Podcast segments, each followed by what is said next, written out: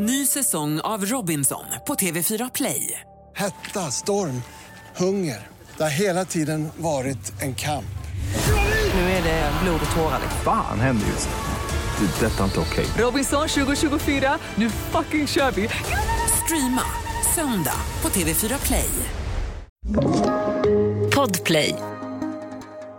Du vet väl om att du kan lyssna på avsnitten av Fallen jag aldrig glömmer en dag före alla andra. Redan på torsdagar kan du lyssna på podden på podplay.se eller i appen Podplay. Och naturligtvis är det gratis.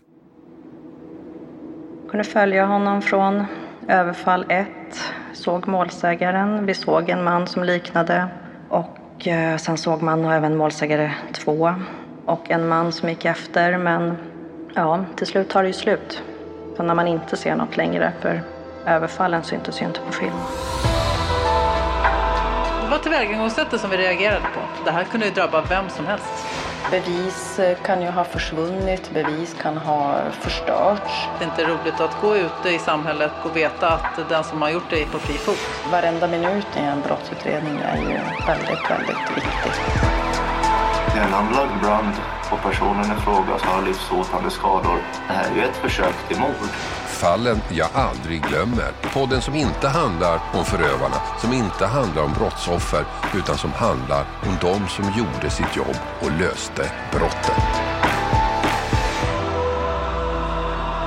Rågsvedsmannen.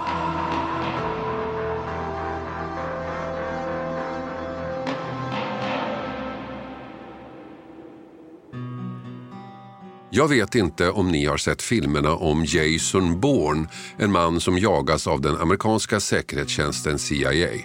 De följer honom i stad efter stad med hjälp av alla övervakningskameror de har till sitt förfogande. När han gått ur bilden på en kopplas en annan upp och där är han igen. Så där håller de på, kamera efter kamera. Och den utredning som jag ska berätta om nu har vissa likheter med det här. Det går visserligen inte lika snabbt som i filmerna och det sker inte i realtid.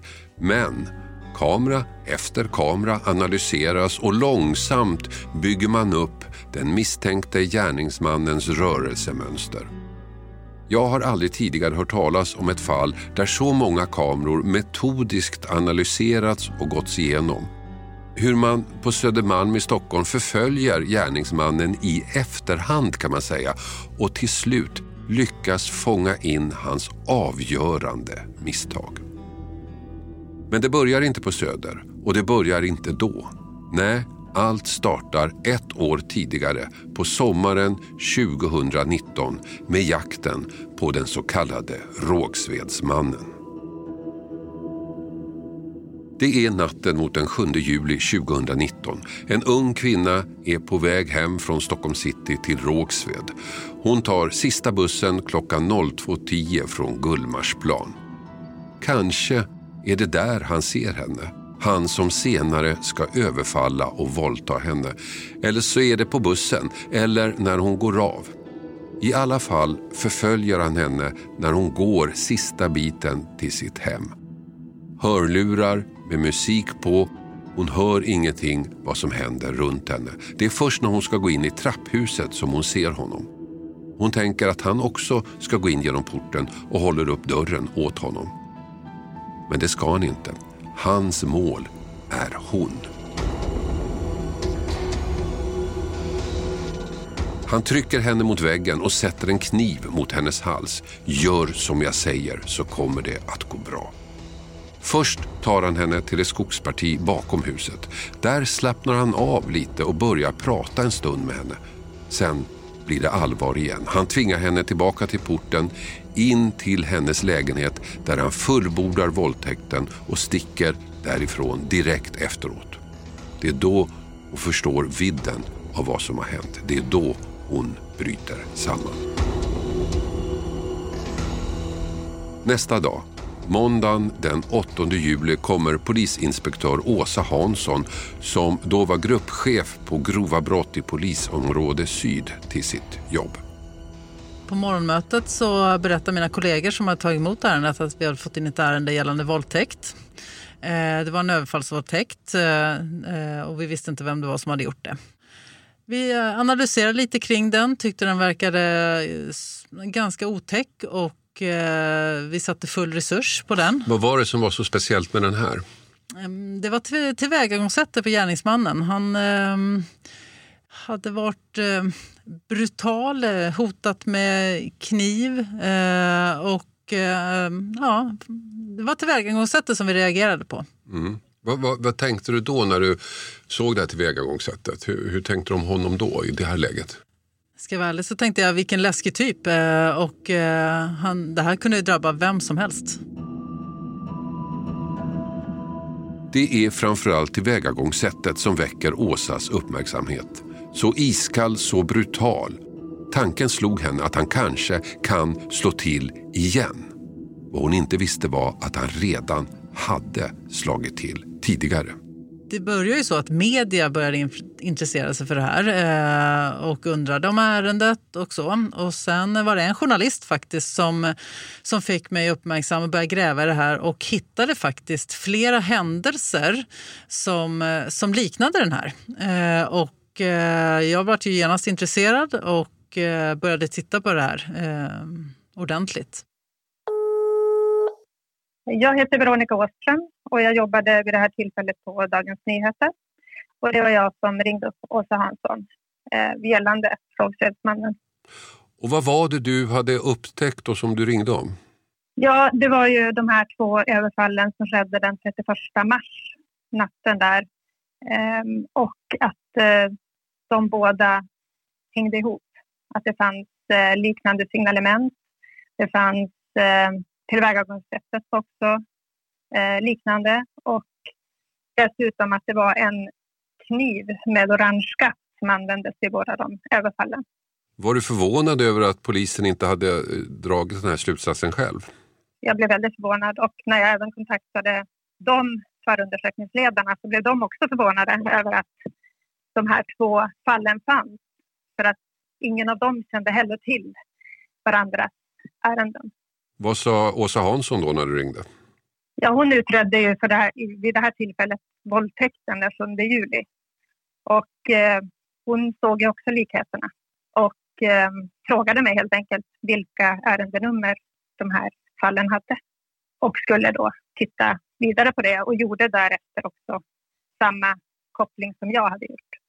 Att det rörde sig om en, möjligtvis en serievåldtäktsman. Hur kändes det då att du eh, eh, faktiskt hade bidragit till en polisutredning? Ja, för de här kvinnorna som har drabbats så var det naturligtvis, kändes det bra att kunna lyfta det här. Men det är också tack vare de här kvinnorna som jag kunde göra kopplingen. Att de var modiga och ville ställa upp och berätta om det här för mig.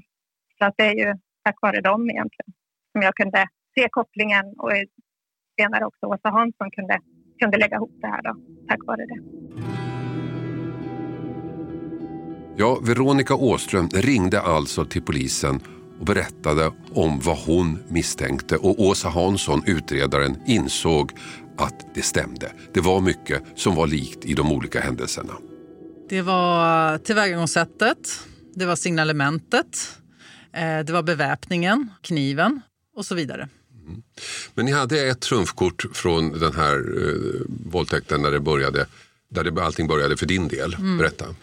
Jo, eh, gärningsmannen hade lämnat spår i form av DNA på flera platser faktiskt. Eh, så där kände vi att det här har vi någonting att arbeta med. Och eh, det är en jättestor framgångsfaktor, just DNA. Så då, men det hade ni bara från ena fallet? Precis, de andra hade vi inte det. Så då var de mycket, mycket mer svårutredda. Mm. Men fortfarande var du övertygad om att de hängde ihop?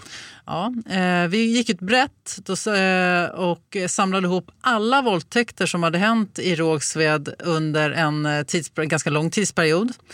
Eh, vi kollade igenom, vi tog hjälp av vår gärningsmannaprofilgrupp och eh, gjorde en geografisk profilering eh, och plockade ut ett antal då som, som de trodde verkligen hörde ihop. Eh, och de fortsatte vi arbeta med. Hur många var det? Det var fyra stycken. Två stycken överfall hade skett samma dag, den 31 mars. Men där hade gärningsmannen flytt utan att försökt våldta kvinnorna. Händelserna hade utretts av lokalpolisen som rubricerat det som olaga hot och sen lagt ner spaningarna. Ytterligare ett fall inträffade den 10 mars, inte heller det en fullbordad våldtäkt.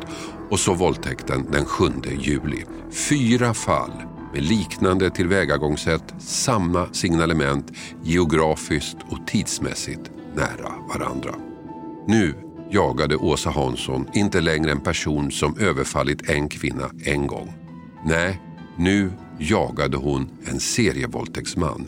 Nu jagade hon Rågsvedsmannen. Ett faktum som väckte stor oro i området.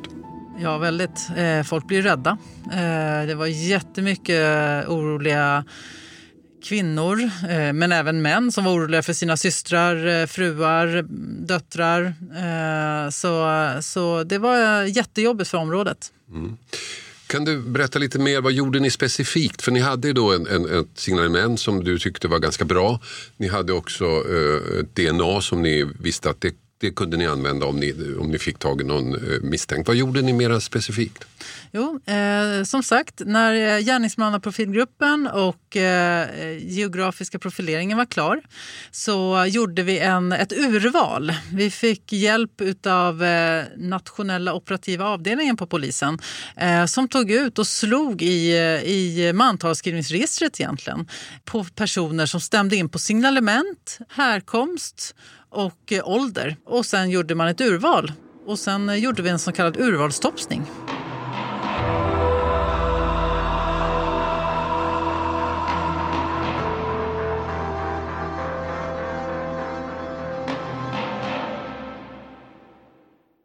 Den här veckan har vi ett betalt samarbete med Tre, ni vet teleoperatören. Den jag själv har faktiskt och är väldigt nöjd med. Men det är många som tror att Tre inte har särskilt hög täckningsgrad, vilket är fel. Och så är det ju faktiskt med mycket vi tror oss veta, att det vi tror är sant kan vara falskt och det vi tror är falskt kan visa sig vara sant. Jag hade faktiskt ett telefonsamtal med en kompis för inte så länge sedan, via tre då förstås, och vi snackade om myter. Och jag tycker mig ha koll på sånt, vad som är sant och vad som är falskt. Men det är inte alltid så lätt. Till exempel berättade min kompis, ni vet om myten att svalor flyger lägre när det ska bli dåligt väder. Falskt sa jag, men det visade sig vara helt sant. Och så det här att man, om man duschar varmt på sommaren så blir man svalare. Det trodde jag inte heller på, men det visade sig också vara sant. Så det blev lite en aha-upplevelse för mig. Men så pratar vi om vår gemensamma operatör. Ja, de har ju väldigt bra täckning, sa han. Och där visste jag att han har rätt. Han visste att Tre har byggt ut och nu har väldigt stor täckning. Men det är inte alla som vet. Och ibland är det inte riktigt som man tror. Sanningen är att Tre nu täcker otroliga 99,3 procent av Sveriges befolkning och det avser rösttäckning baserat på folkbokföringsadress.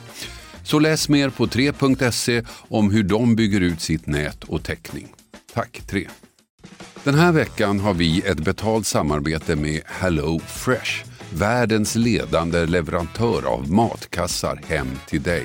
Kassar som ger dig en enklare vardag och massa matglädje på det. Nu kan du som lyssnar få extra bra pris. Med koden FRESHFALLEN kan du få upp till 1359 kronors rabatt. Jag har testat flera matkassar och det är två saker som jag tycker gör Hello Fresh extra bra. Dels förstås att jag slipper planera mat varje dag. Menyerna finns redan där.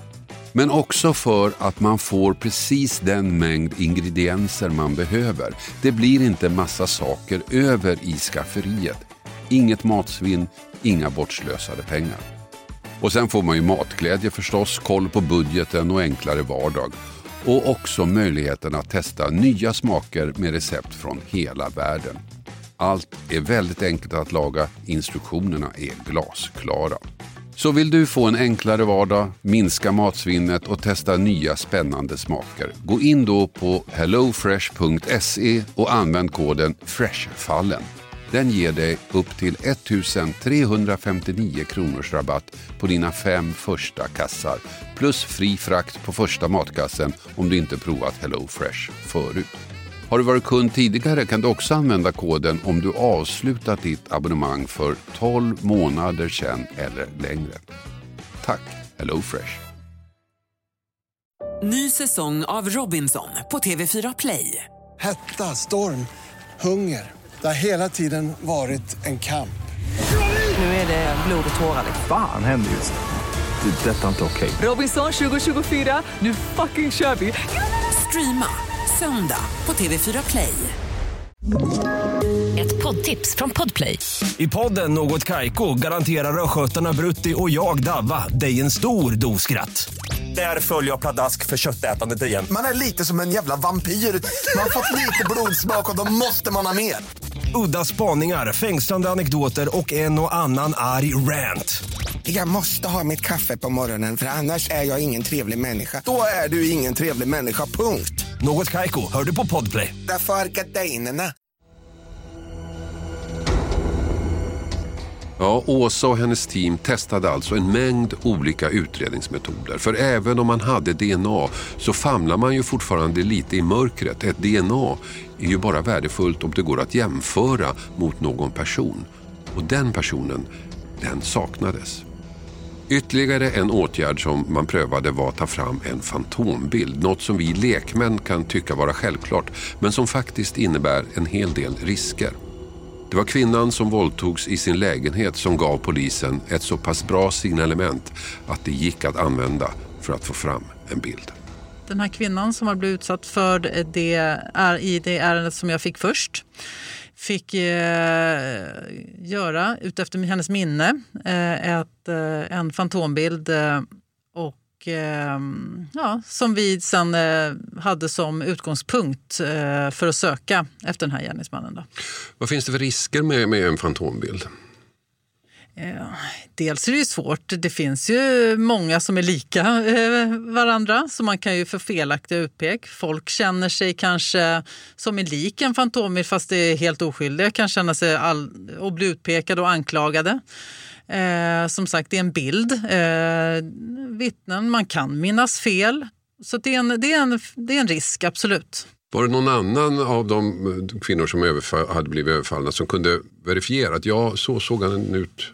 Precis. Vi visade ju bilden för de andra utsatta kvinnorna och eh, åtminstone eh, några stycken kunde eh, säga att absolut, det är mycket likt.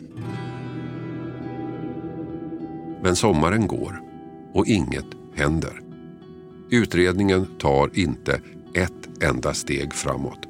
Alla ansträngningar från polisen slutar på samma sätt, i ingenting. När hösten kommer är Rågsvedsmannen fortfarande på fri fot.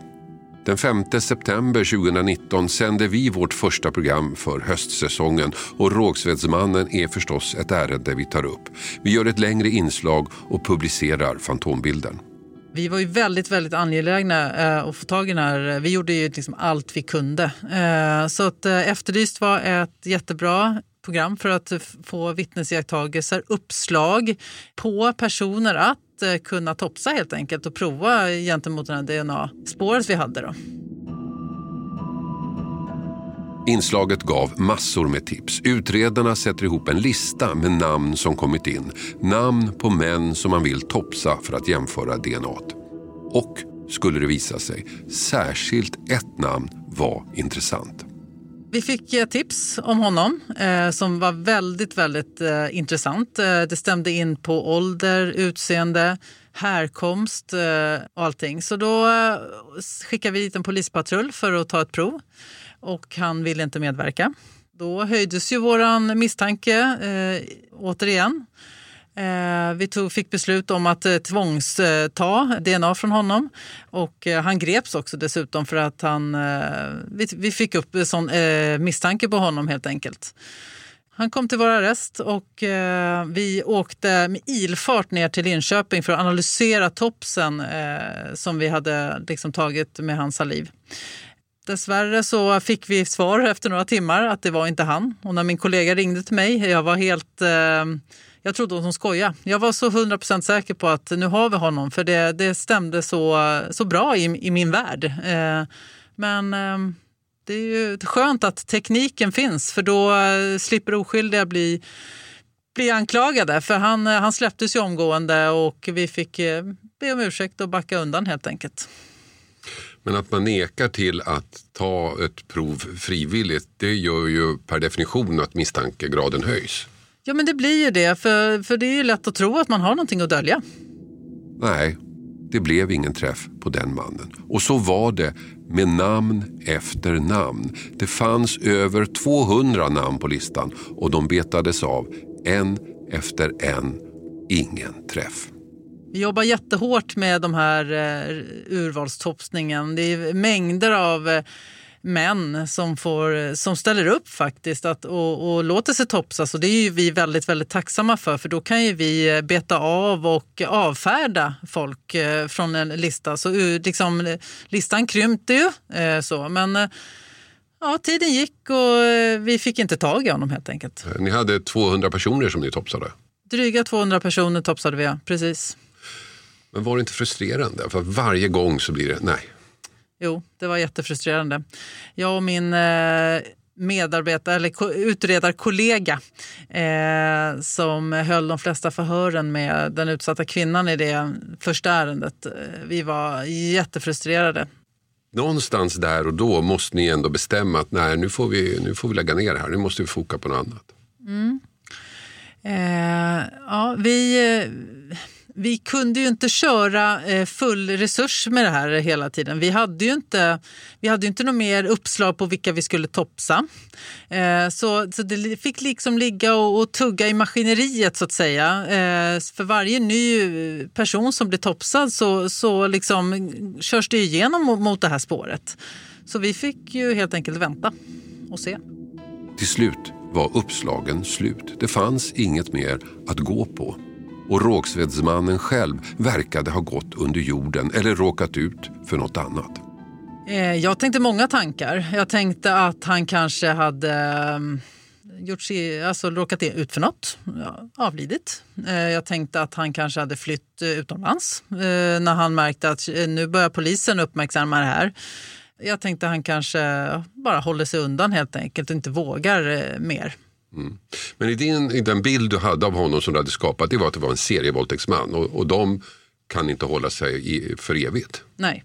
Så jag gick ständigt med den här rädslan att eh, någon ny skulle råka ut eh, för, eh, för brottet. Men hur känns det att gå till jobbet varje dag och sen så gå hem och nej, inte idag heller? Nej, det känns inget roligt.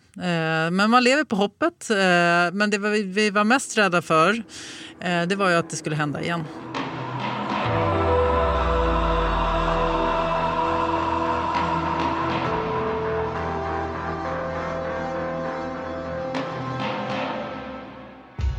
Hösten gick, våren gick, ingen Rågsvedsman kunde gripas. Andra ärenden tar över, andra prioriteringar måste göras. Tillvaron rullar på, uppmärksamheten bleknar.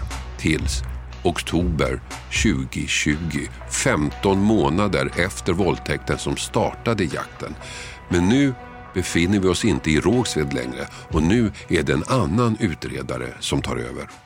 Jag heter Camilla Eriksson. Jag jobbar som civil brottsutredare på Citypolisen i Stockholm på grova brott. Vad innebär att man är civilbrottsutredare?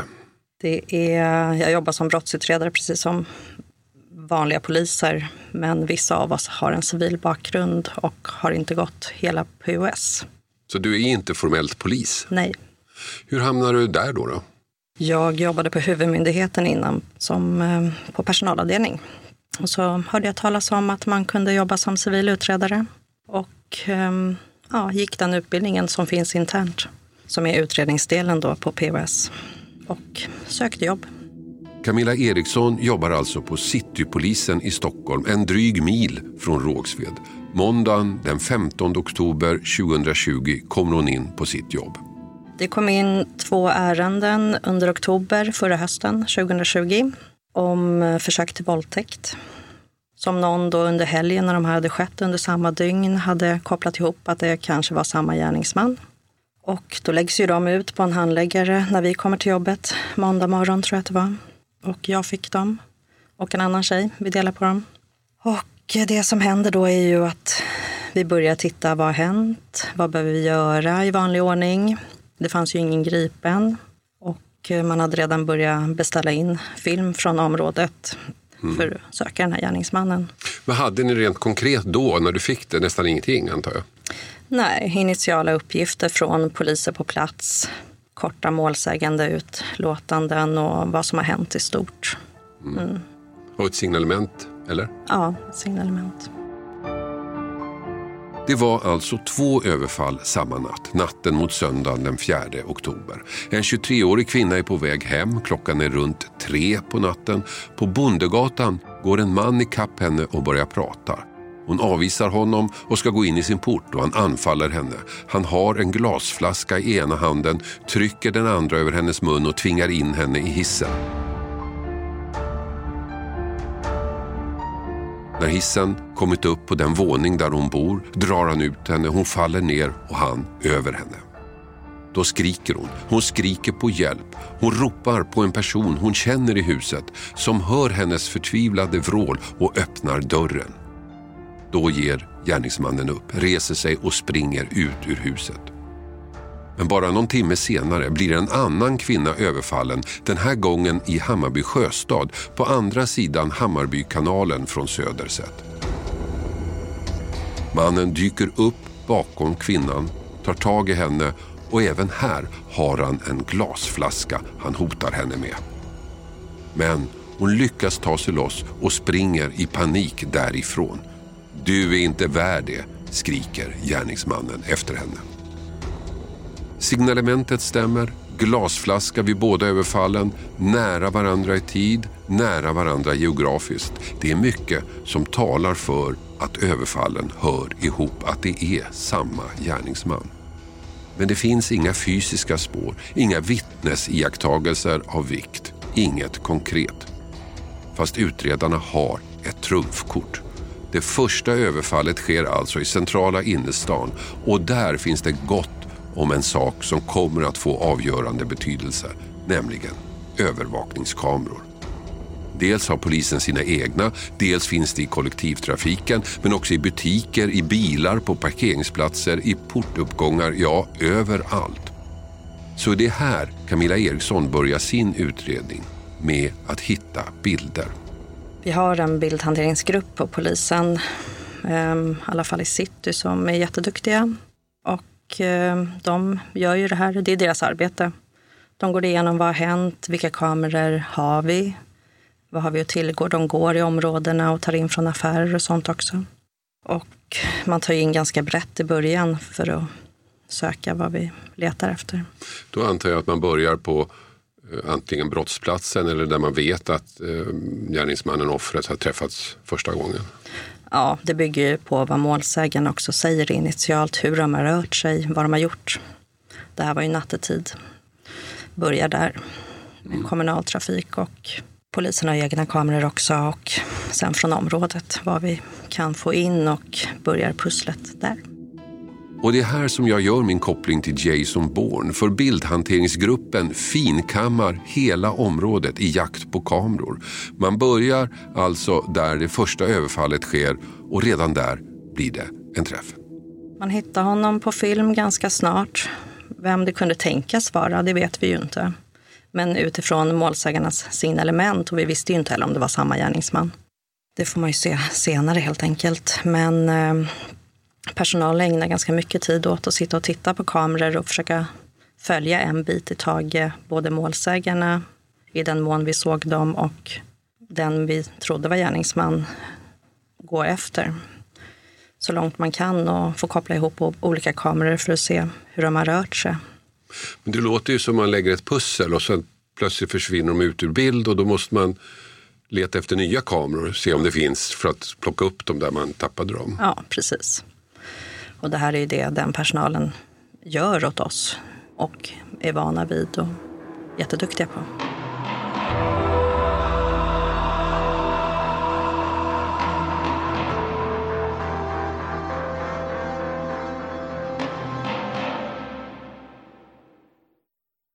Ny säsong av Robinson på TV4 Play.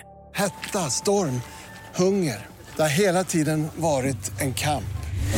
Nu är det blod och tårar. Fan händer just nu. Det. är Detta är inte okej. Robinson 2024, nu fucking kör vi! Streama söndag på TV4 Play. Ett poddtips från Podplay. I podden Något Kaiko garanterar östgötarna Brutti och jag, Davva, dig en stor dos skratt. Där följer jag pladask för köttätandet igen. Man är lite som en jävla vampyr. Man har fått lite blodsmak och då måste man ha mer.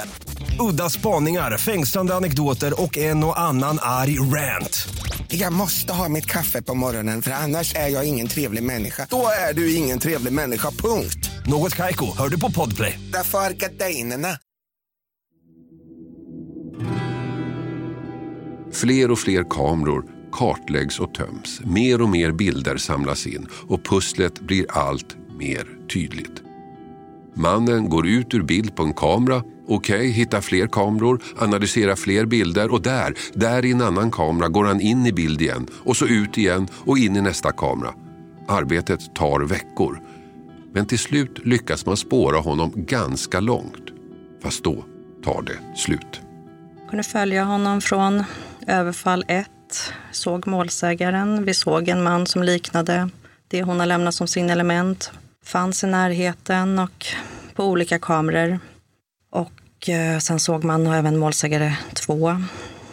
Ungefär i tid innan det överfallet skedde. Och en man som gick efter men ja, till slut tar det ju slut. Så när man inte ser något längre för överfallen syntes ju inte på film. Och vad var det som gjorde att det tog slut? Det sista personal till slut såg var ju att han rörde sig från Skanstull, Götgatan söderut. Och det sista överfallet skedde i Hammarby sjöstad. Och om man vet hur det ser ut där så är det en broar över helt enkelt. Och man försökte ju söka i det området då med kameror där och uppifrån tunnelbanan vid Gullmarsplan för att se om han har rört sig därifrån Gullmarsplan efter överfallet, om det nu var han. Men hittade inte honom. Ja, där förlorade man honom, vid Skanstull, där bron går över till Hammarby sjöstad. Och där i sjöstaden finns inte alls så många kameror. Alla analyseras, ingen har den misstänkte på bild. Kanske uppe på Gullmarsplan då, där finns en tunnelbanestation med kameror. Kanske har han hamnat där. Kontakt tas med lokaltrafikens övervakningscentral. Tyvärr ingen träff. Mannens rörelsemönster har spårats men ingen vet vem han är. Inget av överfallen finns på bild. Två veckors arbete, kanske förgäves. Men då tänker man till. Tänk om han på något sätt återvänt till Söder efter det andra överfallet. Nya insamlingar, fast nu från några timmar senare på dygnet. Nya analyser och då träff. Då tog vi in film från senare under dygnet om han möjligtvis rörde sig tillbaks till Södermalm igen. Och det gjorde han en tid senare, att han har tagit sig tillbaks dit till området och fortsatt följa honom därifrån. Men alltså, jag blir lite imponerad för att det måste vara ett enormt arbete. Nu är han borta, vad gör vi nu? Nu letar vi och det är nästan som man ser på filmer när de håller på med kameraövervakningar. Det är ett enormt arbete och om man har suttit och tittat på sån här film, jag tycker personligen det är svårt att se. Liksom, det är olika kvalitet på olika filmer. Ibland är det jättebra kvalitet, ibland är det sämre. Liksom, ibland kan man ju bara se som skuggfigurer. Vilka ser vi egentligen? Liksom? Men de som gör det här har ju mycket bättre vana än vad gemene man och jag har för den delen. Men så får ni tillbaka honom på Söder då och kan följa honom igen. Hur, hur lång tid tog det innan, innan de bilderna, innan ni fick tag på de bilderna? Ja, det ägnades väl ett par veckor till det här första arbetet. Och jag kommer inte ihåg, det var ju inte liksom jättemånga som jobbade med det här. Det kanske var en, två personer. Och man har många arbetsuppgifter också. Så um, sen när det var stopp där, då tog man väl in. Så att det gick kanske ett par veckor innan, nej men nu får vi ta in ny film och försöka ett nytt varv. Mm. Utredarna hittar alltså fler filmer på mannen, nu från senare på natten då man återigen lyckas skugga honom fast i efterhand. Men fortfarande vet man ju inte vem man är eller om det ens är rätt person. Allt man har är ju bilder på hur han gått. Men det är då man upptäcker det som blir avgörande. på en av filmerna ser utredarna hur han begår sitt livs misstag. Han går in och handlar. Vad vi letar efter mer än att se rörelser, för det hjälper ju inte oss, vi vet ju inte vem det är. Det är ju något som vi gör att vi kan hitta honom och identifiera honom och då hände ju det. Då gick han ju in när vi hade den här nya filmen på en 7-Eleven på Södermalm och handlade. Och då hämtade vi in film från den affären och kvitto på det köpet. Och får ju då fram vem, vilket kort som har handlats på. Det var ett bankkort. Och vem som äger det kortet. Då hade ni ett namn? Ja. Sen behöver inte det heller betyda att det är den personen som har handlat på kortet som är kortinnehavare. Så då påbörjas ju nästa, nästa fas i arbetet. Att se om är det den som äger kortet som har handlat på kortet.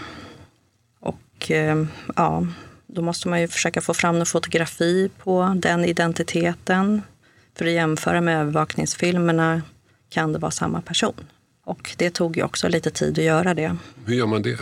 Ja, man får ju söka på nätet på olika sätt. Jag vill inte gå in på exakt allting, men i det här fallet var det väl att vi till slut fick ett kort från Skattemyndigheten. Mm. Och då såg ni att det såg ut att vara samma kille? Ja. Och då har ni en person, ni vet vad han heter, ni har en adress. Mm. Och då kan du hämta honom? ja, vi, vi får väl titta vilken person det här är. Vad har vi för uppgifter? Och i det här fallet var han ju skriven på en adress i Stockholmsområdet. Och det gjordes ju försök att hitta honom där direkt då. Men där fanns han ju inte. Så då är det ju inre och yttre spaning vi bedriver för att försöka hitta honom helt enkelt. Det visade sig att han bodde hos en kvinna. Hur får ni reda på sånt? Ja, det vill jag inte riktigt gå in på. Vissa saker vi behåller för oss själva, men det är ju alla möjliga register och slagningar och arbetsmetoder vi har. Men det tog ju några dagar till och sen yttre spaning också.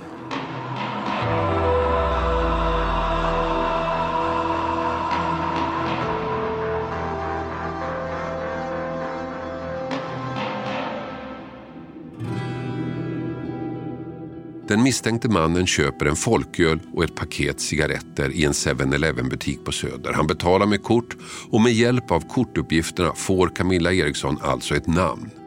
Men det tar lite tid. Allt går inte alltid så fort som man i efterhand skulle kunna tro. Innan mannens identitet blir fastställd hinner han slå till en gång till. En sista. En attack som bär något desperat över sig. För den här gången överfaller han kvinnan på öppen gata. Hon skriker desperat. Ett vittne ropar från fönstret och han springer därifrån. Dagen efter har polisens hans namn och han blir anhållen i sin frånvaro. En knapp vecka senare grips han, han förhörs och naturligtvis topsas han och hans DNA skickas till Nationellt forensiskt centrum, polisens tekniska central. Och svaret kommer snabbt. Jo, hans DNA finns redan där. Ja, vi fick svar en tid senare och då kommer det ju upp som en ja, en slags notify i våra system att han har gått in på en träff och det var ju ett ärende som fortfarande är öppet på en fullbordad våldtäkt som hade hänt sommaren innan. Mm, I Rågsved? I Rågsved, ja. Mm. Så den ni hade var den som media kallade för Rågsvedsmannen? Ja, precis.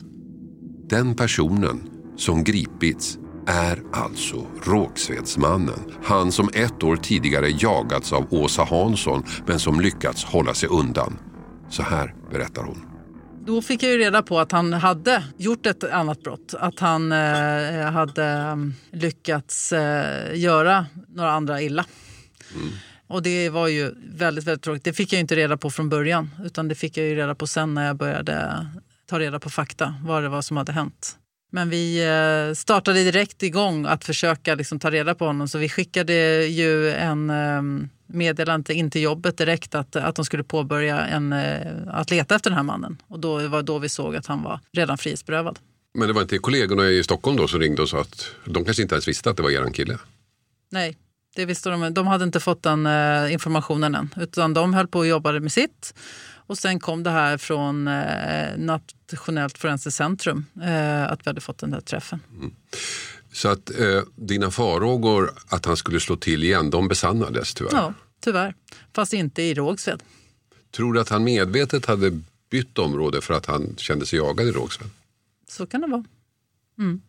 Vad sa den kvinnan då som du hade mycket kontakt med som var den som utsattes för det här och som inledde allting för din del? Vad sa Mm. hon? Det var min eh, kollega som ringde till henne, men hon eh, vart otroligt lättad och eh, tyckte det var skönt. Det är inte, jag kan tänka mig att det inte är roligt att gå ute i samhället eh, när man har råkat ut för en sån här sak och veta att den som har gjort det är på fri fot. Så att eh, det, hon eh, vart som sagt enormt lättad. Nu har det gått en tid sedan det här hände. Eh, Hur tänker du på det nu när du tänker tillbaka? Eh, jag har ju tid, eh, analyserat, hade vi kunnat gjort någonting annorlunda? Eh, hade vi kunnat få fast honom fortare? Hade vi kunnat undvika att han eh, slog till igen? Eh, jag har inte hittat något, något sånt som, eh, som jag har kunnat hitta. Men eh, jag hade hoppats att, eh, att vi hade gjort det.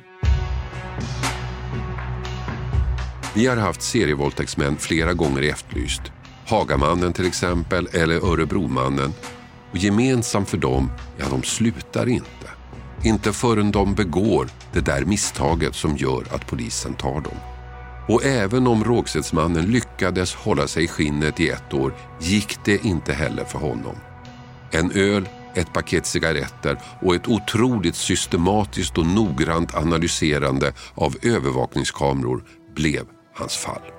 När jag hör dig berätta så, så ser jag framför mig liksom en sån amerikansk actionfilm som liksom utspelar sig lite i framtiden där de har övervakning och kan pussla ihop och springer och typ Born Identity och så här. Det här är ju lite så fast det går lite långsammare än, än i filmerna. Mm. Det går lång, lite långsammare än i filmerna.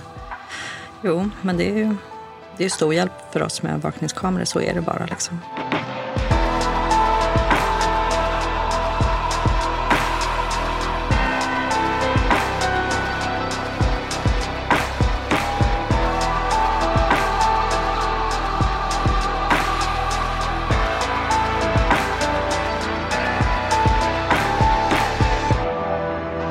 Har hört podden Fallen jag aldrig glömmer. Klippning David Davva Persson. Och jag heter Hasse Aro. Du vet väl om att du kan lyssna på avsnitten av Fallen jag aldrig glömmer en dag före alla andra. Redan på torsdagar kan du lyssna på podden på podplay.se eller i appen Podplay. Och naturligtvis är det gratis. Podplay. Ny säsong av Robinson på TV4 Play. Hetta, storm, hunger. Det har hela tiden varit en kamp. Nu är det blod och tårar. Fan händer just nu. Det. är Detta är inte okej. Robinson 2024, nu fucking kör vi! Streama söndag på TV4 Play.